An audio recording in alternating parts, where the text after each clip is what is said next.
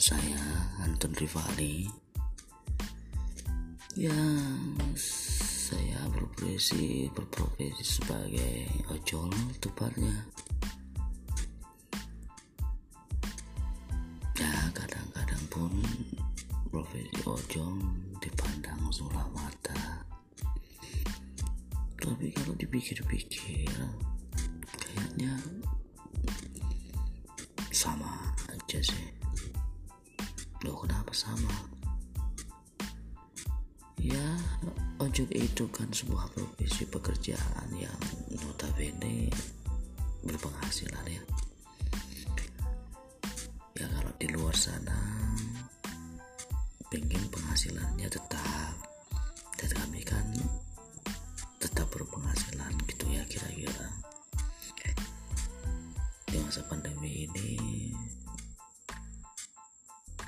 tidak mau kami berada di garis depan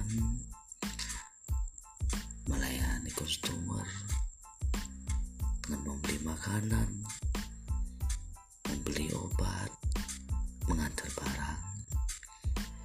Serta mungkin mas mungkin juga masuk ke tempat-tempat yang berbahaya sepertinya gitu ya. Tapi alhamdulillah sampai saat ini kami masih diberikan kesehatan ya. Diberikan kemampuan untuk bekerja ikhlas